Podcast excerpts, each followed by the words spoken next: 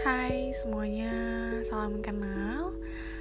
Um, menurut gue podcast itu berguna banget sih ya untuk kita share segala macam cerita sedih atau cerita seneng atau bahkan cerita cinta gue nggak tahu juga gitu karena memang podcast ini gue buat untuk iseng-iseng untuk wadah gue aja sih buat mengisi kegabutan gitu kan oh ya sebelumnya perkenalkan nama gue Daiska Wulandari.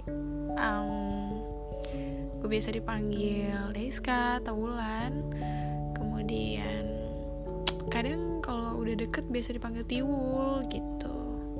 Ya nggak penting sih ya tapi ya apa salahnya kita kenalan dulu ya kan? Untuk podcast gue mau kalian denger atau enggak itu bebas karena gue juga nggak berharap yang gimana gimana karena ini memang benar-benar tempat gue um, curhat bisa dibilang. Jadi buat kalian semua salam kenal